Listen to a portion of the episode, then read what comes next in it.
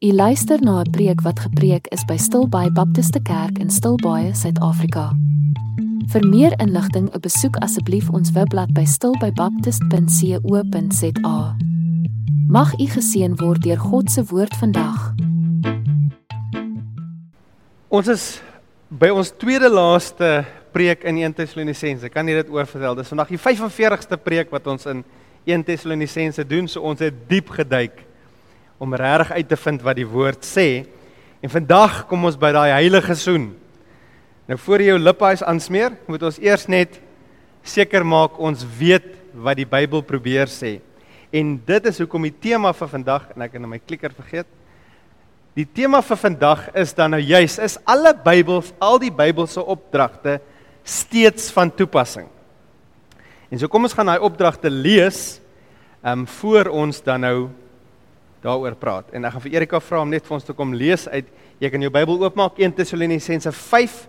Ons kyk na vers 26 en 27 vandag. Groet al die broers met 'n heilige soen. Ek versoek julle plegtig voor die Here dat hierdie brief aan al die broers voorgeles word.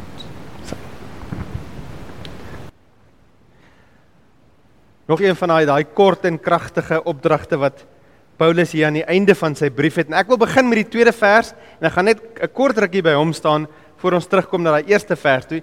En die tweede vers hierso sê, ek versoek julle plegtig voor die Here dat hierdie brief aan al die broers voorgeles word. Nou in Grieks, as jy 'n groep van mans en vrouens saam het, dan sê jy broers. Nie broers en susters nie. Dis nou maar net hulle manier van praat. Ehm um, so moenie dink hierdie is net die vrouens hoef nie te luister nie. Hierdie is vir almal bedoel. Ehm um, nou in die in die tyd van die Bybel. In hierdie tyd het die kerk nou al reeds bestaan vir 'n hele paar jaar. Kerke is geplant en alles. En in hierdie tyd was daar die absolute aanname by almal, dit sou by Paulus gewees het, dit sou by die Tessalonisense gewees het, dat al die gelowiges is deel van 'n kerk en hulle mis net die byeenkomste by uiterste noodgevalle. Ons stel dit op deur die manier wat die brief geskryf word. En ons stel dit hierso op waar hy sê, hier's my brief. Die broers is daar. Lees dit vir hulle. Sê dit lees dit vir party van die broers, die wat daai oggend lus gevoel het om te kom. Lees dit vir al die broers. As jy vir Paulus na vandag toe moes intrek en jy sê vir hom, jy weet daar's Christene wat geen begeerte het vir kerk nie. Ehm um, hulle sit by die huis en hulle kyk kerk dan sou Paulus gesê het, maar hoe op aarde kan jy kerk kyk? Die woord kerk beteken letterlik in Grieks samekoms. Dit is die uitgeroeptes wat saamkom. Hoe kan jy kyk en deel wees van 'n samekoms? Um die enigstes by hulle wat nie deel was van die samekoms nie, is die ouens wat in die tronk was of die ouens wat te siek was om te kon kom. En interessant genoeg is dit die maatstaf wat die Here gebruik toe hy sê maar gaan julle in twee deel. Hy gaan sê het jy die ouens in die tronke besoek, het jy die siekes gaan versorg. So hy het basies gesê, het jy seker gemaak dat hulle nog steeds deel van die kerk kan wees? Hulle kan nie fisies deel van het jy na hulle toe gegaan om kerk vir hulle te gee? Ehm um, Dan kan jy sê ja, maar Paulus jy moet verstaan, hierdie mense sê die kerk is regtig vol skyn heiliges en sondaars. Wat sal Paulus se antwoord was? Ek weet Het julle nog nie my briewe gelees nie? Dis hoekom ek vir hulle skryf. Ons almal is stikkend. Ons almal het probleme. Die kerk is nie 'n klub vir perfektes nie. Die kerk is 'n hospitaal vir stikkendes. Ek onthou lank terug het iemand vir my gesê, ehm um, die kerk moet goed lyk. So jy moet jy moet 'n masker. Ek dink nie die persoon het die woord masker gebruik nie. Maar jy moet basies al jou probleme wegsteek as jy by die kerk is en by die wêreld, laat die wêreld kan sien ons is perfek. Dink ek, "Jo, dis al maar ver verwyder van enigiets wat ons in die Bybel vind oor kerk." Kerk is stikkende mense wat saamkom en sê, "Kom ons kom saam dat die Here ons kan help." Um Spurgeon het een keer iemand na Spurgeon toe gekom en vir hom gesê, "Spurgeon, ek's nou moeg vir jou kerk." Hy was 'n baie bekende prediker lank terug in Engeland. Hy het gesê, "Ek is nou moeg vir hierdie kerk van jou met al sy probleme. Ek gaan nou weggaan en ek gaan die perfekte kerk gaan soek en dan gaan ek by hulle aansluit." En toe sê Spurgeon vir hom, "Jong, as jy hulle kry, moet asseblief nie by hulle aansluit nie want dan gaan hulle nie meer perfek wees nie. So, daar's net een perfekte kerk en dis 'n kerk sonder mense. Ehm um, dan sê party mense ja Paulus, maar die kerk het my seer gemaak. Jy weet nie wat mense in die kerk aan my gedoen het nie. Hoe kan ek terugkom na hierdie groep mense toe? Jy kom nie primêr kerk toe omdat mense jou goed hanteer nie. Jy kom kerk toe want Jesus sê jy moet en jy het dit nodig. Ons gaan nou terug na daai opdrag. Jesus sê moenie die samekomste opgee nie. Dis 'n opdrag. Ehm um, jy het dit geestelik nodig. So in hierdie verse waar Paulus dan nou aan almal skryf, besef hy hulle gaan saamkom en hy sê hierso, as julle saamkom, lees die brief aan die broers, nie WhatsApp dit vir die wat by die huis sit nie. Lees dit vir die broers hierso. Maar ek gaan nie te veel hieroor sê nie want ek preek met die gehoorsaames hierso, want julle is hierso. So ehm um, maar bid vir die wat vir wat ook al rede nie wil deel wees van kerk nie. Want ek kry nie een verskoning in die Bybel waar die Here sê, "O, jy hoef nie. Jy kan alleen by die huis sit." Um die evangelie is definitief iets, die goeie nuus van Jesus bereik jou as 'n individu. Jy word nie gered omdat jy deel is van die kerk nie. Jy word nie gered omdat jy deel is van 'n Christelike familie nie. Jy persoonlik moet voor die Here kom staan en daai keuse maak, maar dan word jy gered in die kerk. Jy word ingetrek in die familie in. OK. Maar dis genoeg daarvan. Ons wil nou by hierdie vers uitkom wat sê: "Groet al die broers met 'n heilige soen." En hier is 'n baie goeie voorbeeld van 'n opdrag waar ons kan vra: Is al die Bybelse opdragte steeds van toepassing op ons?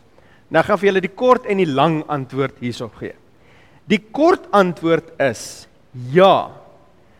Alles alle opdragte in die Bybel wat nie gekanselleer is in die Bybel nie, is steeds van toepassing. Daar is opdragte in die Bybel wat gegee is wat later in die Bybel klaargemaak word. Laat dit nie meer 'n opdrag is nie en daarom hoef ons nie daarna te luister nie. Nou dis byvoorbeeld die wette soos die koswette. In die Ou Testament onder die Ou Verbond was daar hierdie wette van jy mag nie dit eet nie, jy mag nie um kreef eet nie, jy mag nie vark eet nie, al daai tipe dinge. En dan kom jy in die Nuwe Testament in en Jesus in Markus en um Petrus in Handelinge en Paulus in Korintiërs. Elkeen van hulle reitereer hier en nie reitereer nie. Hulle um sê hierdie boodskap oor en oor dat dit bestaan nie meer vir ons nie. Onder ons verbond bestaan daai wette nie meer nie. So in die Bybel is daar dan 'n opdrag wat in die Bybel klaargemaak word dan bestaan dit nie meer vir jou nie. Nou ek kan luister van hulle noem. Daar's nie so baie nie, maar daar's 'n hele klomp. Byvoorbeeld offerandes. In die Ou Testament moes jy hierdie offerandes gaan doen het en in die Nuwe Testament sê dit nee, Jesus was die perfekte offerande. Interessant een wat hierdie week gebeur het is iemand het 'n pragtige foto van 'n wonderlike um pofadder hier buite ons kerk geneem en op Facebook gesit. Wie die mooi foto van die pofadder gesien op Facebook? Ek is so bly julle so min op Facebook dat julle dit nie sien nie. Dis 'n goeie teken. Um, nou, party mense sê maar die Bybel sê ons moet die slang se kop vermorsel. Is dit 'n opdrag vir alle tye, vir alle slange? Nee, hoe weet ons? Want Noag het slange op die ark gevat. Het hulle aankom toe, wap, laat hy hulle koppe plat? Nee, want dit gaan nie oor slange slange nie, dit gaan oor die duiwel. Dis waaroor dit gaan. Dit gaan oor Jesus wat Satan se kop vermorsel. OK.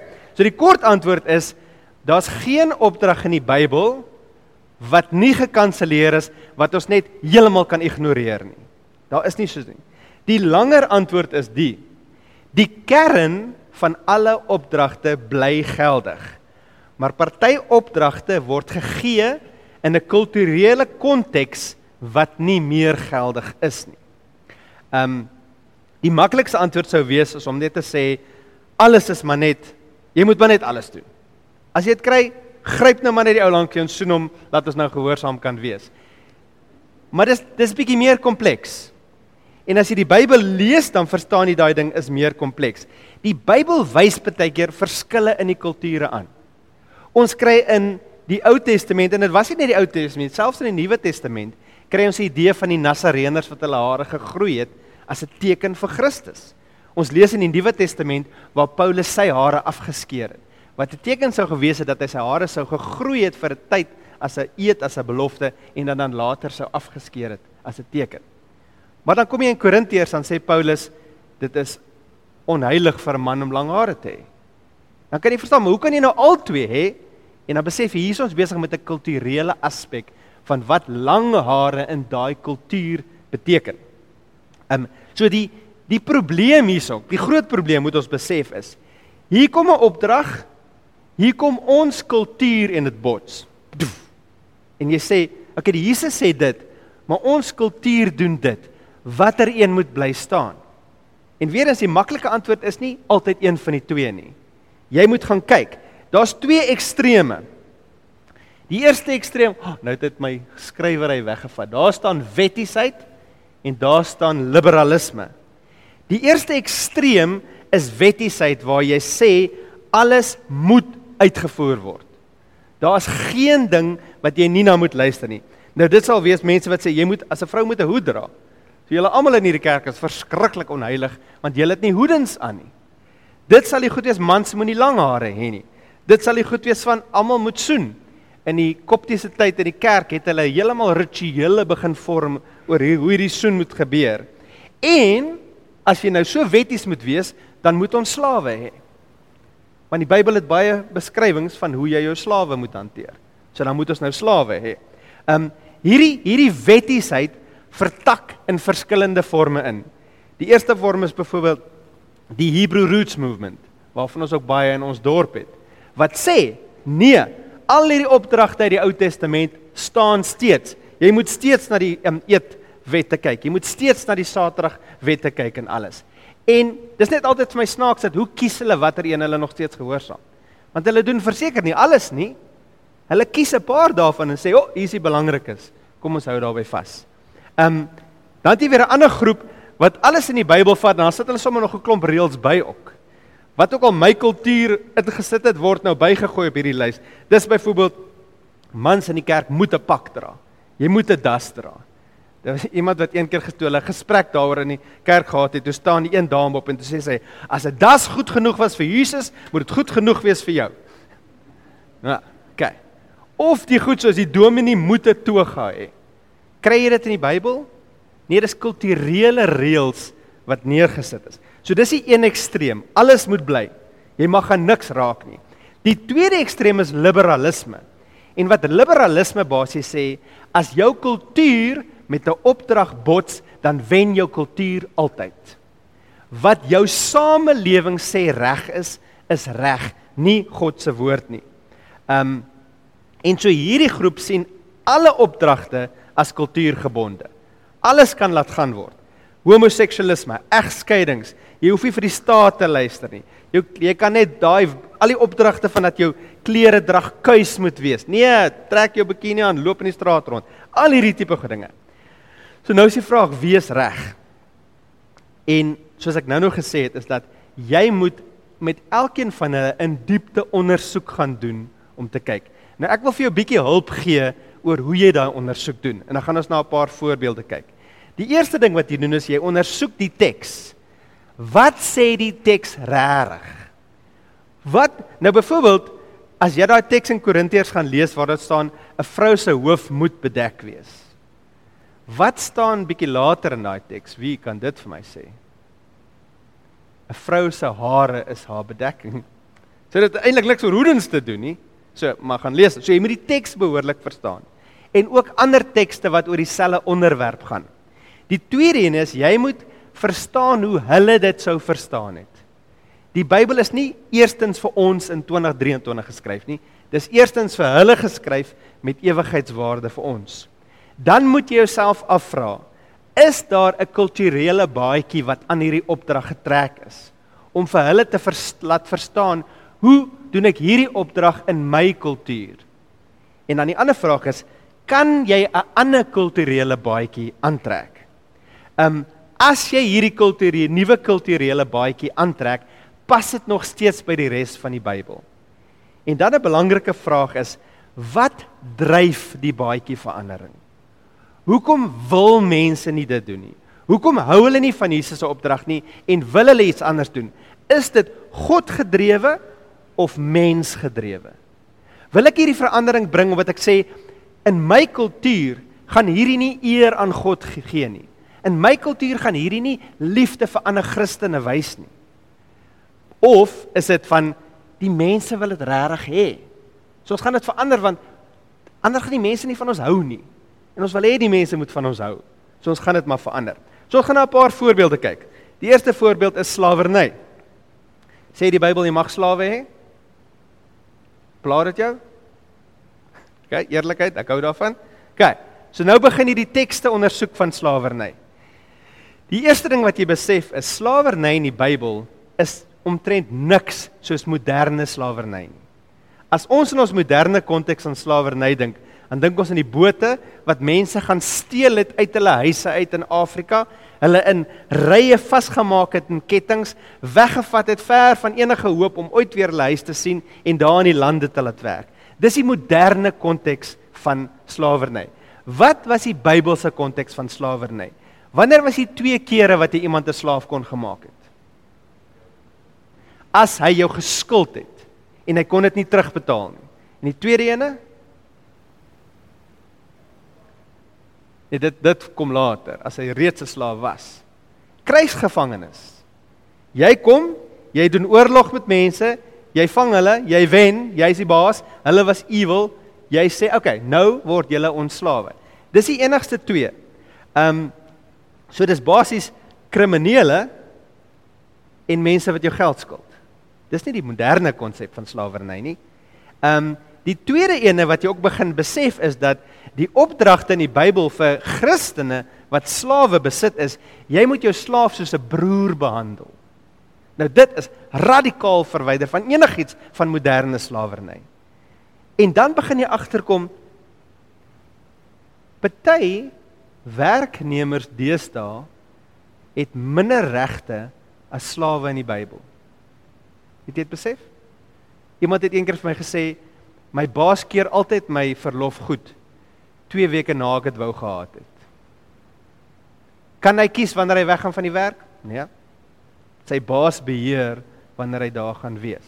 Nou, dit is hy kan nog steeds huis toe gaan in die aand, so is nou nie so ekstreem nie, maar in elk geval. So nou kan ons vra, Ehm um, is hierdie 'n kernopdrag met 'n kulturele baadjie? Wel, ehm um, ja, in die sin van wat doen ons met krygsgevangenes? Wat doen ons met mense wat geld skuld? Krygsgevangenes skelms kan nie net weggelaat word nie. Mense wat skuld kan nie net deeltyd weggestuur word om nog skuld aan te gaan nie. En die kernopdrag is hanteer die mense wat krygsgevangenes goed, hanteer die mense wat jou geld skuld goed en hanteer almal op 'n humanistiese goeie manier. Nou die vraag is, kan ons 'n nuwe kulturele baadjie pas? Kan ons daai dinge bereik sonder slawerny? Ja, ons kan. Kry ons dit reg? Nee. Dink jy dis ons bereik enigiets deur almal net in tronke te gooi waar hulle slegter word as wat hulle ingegaan het? En dit het ek beleef toe ek in Kaapstad in Bonnytown is 'n is 'n skool 'n tronk vir verhoor afwagtende kinders wat daar ingaan. En party van daai kinders kom daar in omdat hulle een fout gemaak het. Hulle het byvoorbeeld drugs verkoop. En dit was hulle enigste ding was was nie deel van hulle kultuur nie. Nou word hulle saam met hierdie kinders, hierdie gang members ingegooi. En 6 maande later as hulle uitstap as hulle iets anders. Ons wêreld het nie goeie oplossings vir wat om met kriminele te doen nie. So Nou is baie maklik om skielik die Bybel nou te wil sê, "O, oh, julle ouens maak slawe." O, okay, wat was 'n slaaf? Is iemand wat werk gehad het, wat 'n huis gehad het, wat 'n doel in sy lewe bereik het want hy het kos gehad om te eet. Hoe weet ons al hierdie dinge? Want baie keer as die slaaf se tyd verby was en hy kon weggaan, dan sê die slaaf, "Nee, ek wil liewer bly." Het jy al ooit van iemand in die tronk gehoor wat wil sê, "Ag, oh, ek wil liewer bly. So lekker hierso." Nee. Kyk, So ons moet bietjie begin dink. Ek sê nie ons asseblief moet nou nie gaan sê Karel J sê ons moet slawe hê nie. Ehm um, ek sê ons moet help dink aan beter oplossings vir die probleme. OK.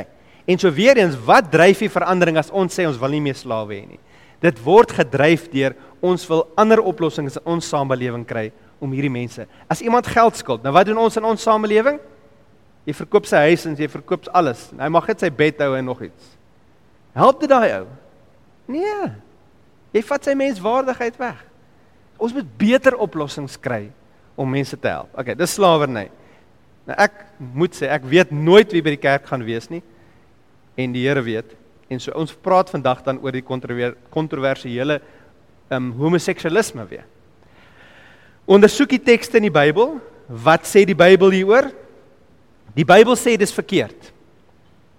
Elke keer in die Bybel as homoseksualiteit na 'n kultuur gekom het waar dit aanvaarbaar was, het die kerk vir die kultuur gesê dis verkeerd. Die Hebreëse het nooit 'n probleem hiermee gehad nie. Baie mense sê, "Ja, maar Jesus het nooit iets hieroor gesê nie." Dit was nie vir hom nodig nie want die Jode het nie hiermee gesukkel nie. Maar die oomblik toe dit na die Romeine toe gaan waar dit 'n kultuur aanvaarbare ding was, toe skielik begin Paulus hieroor praat. En hy sê nie vir hulle, "Haai ouens, shame, julle is nou maar wie julle is, kom ons bly nou maar daar." Uit 'n Bybelse oop gesê, "Ja, hierdie is verkeerd." Wat anders? Hier is 'n baie belangrike een. Die Bybel sê nie dat huwelik kernbelangrik is nie. Die Bybel sê jy kan volledig mens wees sonder om getroud te wees. Sonder om in 'n verhouding te wees. Hier is alles kernbelangrike dinge van die Bybel. So, hoe het hulle dit verstaan? Hulle verstaan van bladsy 1 van die Bybel tot aan die einde van die Bybel is huwelik is tussen 'n man en 'n vrou. Die kernopdrag gehoorsaam God se plan vir die huwelik. Dis die kernopdrag. Ehm um, as jy aangetrok is tot 'n ander geslag, onthou aangetrokkenheid tot 'n ander geslag is nie sonde nie. Dit is 'n temptation wat hanteer moet word, 'n versoeking wat hanteer moet word. So wat sê die Bybel, wat as ek daai tipe versoekings het, kry hulp. Gaan sien iemand wat jou kan help hiermee. Kan die kulturele baadjie verander word sonder om teen die woord te gaan? Kan ons maar na ons samelewing kyk en sê ag kom ons laat dit maar gaan. Nee, want dan gaan ons teen die woord wees. En dan vra ek myself, wat dryf die nuwe baadjie? Is dit mense wat alles vir die Here wil doen en net vir hom wil luister of wat word dit gedryf deur menslike begeertes? Word gedryf deur menslike begeertes. En ek moet ook altyd sê wanneer ons hieroor praat, die oplossing is nie haat homoseksualisme nie. Haat homoseksuele mense, maak oorlog teen hulle, wys vir hulle ons is beter as hulle nie. Dit het niks daarmee te doen nie. Elke persoon wat hierso sit, het iets waarmee jy sukkel. Iets wat jy weet God sê dit, maar my hele wese wil dit doen. Of dit nou is ryk word, geld, um woede, um skinder, al hierdie tipe dinge. Jy weet Jesus sê lewe so. Maar as jy jouself nie kan keer, as jy jouself nie keer, word jy heeltyd hiernatoe getrek. En vir geen van daai dinge sê die Here, ag laat dit maar net gaan nie. Hy sê kom na my toe. Ek sal jou help. Bring jou sukkelende begeertes na my toe en ek sal jou help. OK. Nou kom ons uiteindelik by die heilige soen uit. Nou begin ons die tekste ondersoek.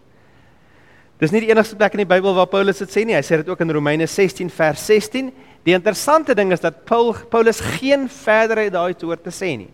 Hy verduidelik nie wat bedoel hy met 'n heilige soen nie. Met ander woorde, dit is iets wat hulle reeds verstaan het. Dis nie iets nuuts vir hulle nie. Dis iets wat reeds deel van hulle kultuur was. Nou as jy begin, dan begin jy nou ondersoek hoe hulle dit sou verstaan het. In hulle kultuur was daar nie 'n gesoenery in die samelewing tussen mense nie. Dit het later met die Italianers gebeur, nie daai tyd nie. OK. Waar kom dit vandaan? In families. In families het die mense mekaar gegroet met 'n soengroet. Nou begin jy bietjie die konteks verstaan. Um die idee dat dit 'n heilige soen is, ook vir hulle was die idee dat mans het mans gesoen en vrouens het vrouens gesoen. Daar was geen ding soos die Afrikaanse kultuur waar hierdie oom inkom en al die niggies van een kant af pap soen nie. Dit was nie hulle verstaan nie. Daar was geen manier. Nou ek moet hierdie dinge sê want al meer as een keer in ons kerk vandat ek hier is, het vrouens na my toe gekom en gesê, "Kan julle asseblief tog net met hierdie ooms praat wat almal wil soen?" Dis erg onaangenaam. En dan sê die persoon, "Ja, maar die Bybel sê ek moet." Dan is my antwoord, "Verseker, die Bybel sê gaan soen al daai ooms." Dis wat die Bybel sê. Kry vir jou. Verstaan jy? So hier's ons kultuur, hier's die Bybel, Kultuur weeg nie baie swaar as dit by die Bybel kom nie. OK. So wat is die kernopdrag hierso? Die kernopdrag is wees lief vir mekaar soos familie. Wys daai liefde vir my. Nou weer eens, kan ek hierdie opdrag uitvoer as ek by die huis sit en TV kyk? Kerk kyk? Nee. Dis weer eens aanvaar. Jy gaan deel wees van 'n familie waar jy jou ken, waar hulle jou soos familie ken, waar jy mekaar soos familie kan groet. Ehm um, kyk, so kan ons 'n nuwe baadjie aantrek en steeds by daai kernopdrag bly? Ja. Want dis nie hoe dit vir die meeste mense werk hoe ek iemand wys dat hy deel is van my familie nie. Ehm um, dit is nie waar ons is nie. OK. Ehm um, daar's ook ander voorbeelde in die Bybel van ander maniere van groet. Ander maniere van hierdie liefde wys. Mekaar omhels, al mekaar of by iemand se voete neerval. Daar's ander tekens om hierdie dinge te wys. Ehm um, ja. So ek wil dit nou sê want ek werk met tieners en dit is 'n publieke wat noem hulle dit 'n public service announcement hierso. Ehm um, dis tyd vir ons Afrikaanse kultuur om te verander. Hierdie idee dat ooms dink hulle kan soen net wie hulle wil, moet einde kry. Die tieners, meisies haat dit met passie. Wil jy hê jou familie moet naby wees en goeie koneksies hê, hou dan op daarmee en te sê dis my kultuur. Dis 'n slegte deel van jou kultuur. Soen jou vrou, soen jou eie kinders, go for dit. Maar nie daai eenmal per jaar by Kersfees waar hierdie tannies met die snorre ook almal wil soen nie. So. OK. Ehm um, nou ten slotte die opdrag hierso is waak teen wettiesheid waar jy alles net so wil vat as 'n waarheid. Want jou wettiesheid kan skade doen vir die evangelie. Waak teen liberalisme wat sê wat die mense wil hê is altyd die belangrikste. Dit was nog nooit in die Bybel die waarheid. Nog nooit nog nooit in die Bybel waar die nuwe evangelie na kultuur gekom het, het dit gesê, okay, julle sê vir ons hoe die huwelik gaan werk. Julle sê vir ons hoe geld gaan werk. Julle sê vir ons hoe families gaan werk. Hulle het gekom en sê, laat ons vir julle sê hoe God sê dit moet werk.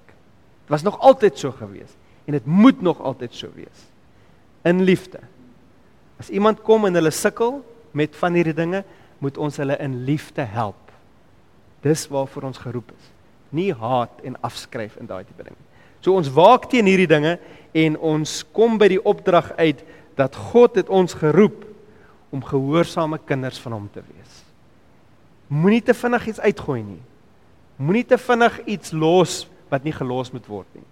Maar moet ook nie vergeet dat die Here werk in jou kultuur dalk op ander maniere nie. Nou weer eens baie van die dinge dinge stem ons nog steeds nie oor saam nie ek het 'n raamwerk gegee, maar daai raamwerk werk nie altyd nie. So ons gaan byvoorbeeld sê in die Bybel is dit baie duidelik dat die doop gebeur het dat iemand gedamp is onder die water en uitgekom het. En dan gaan ander kerke sê, nee, maar die kern van die doop is net dat jy geseël word, sit 'n bietjie water op die voorkop. Dan sê ons, nee, jy kan dit nie verander nie. Hoekom wil jy dit verander? En aan die ander kant gaan, hoekom wil jy dit nie verander nie? Verstaan jy, daar is sulke dinge waar maar ons moet dan net seker maak dat by die belangrikste dinge Die dinge van kernbelang maak ons seker ons luister vir God. Dis die enigste manier. Dis die enigste manier om aan te hou vir God luister. Kom ons bid saam. Hemelse Vader, dankie vir u liefde en vir u woord. Here, dankie dat ons kan dit ondersoek instel. Here, ons wil by die kern van wie u is uitkom. Ons wil by die kern uitkom van wie en um, wat u roeping is vir ons lewens. Here, help ons om nie so 'n wetties te word dat ons oor mense loop wat nie verstaan waaroor dit gaan nie. Die Here help ons ook om nie in liberalisme in te val waar ons na die kultuur luister meer as vir U nie. Here help ons om U goeie nuus, U goeie manier van lewe na die hele wêreld te bring. So ons bid Here en vra U seën dat ons hierdie lewe kan lewe waar U die eer kry. Ons bid dit alles in U wonderlike naam. Amen. Ons hoop u was geseën by die aanhoor van God se woord vandag. Vir meer inligting of vir gebed, besoek asseblief ons webblad by stilbybaptist.co.za. Mag u u lewe vind in Jesus Christus en hom alleen.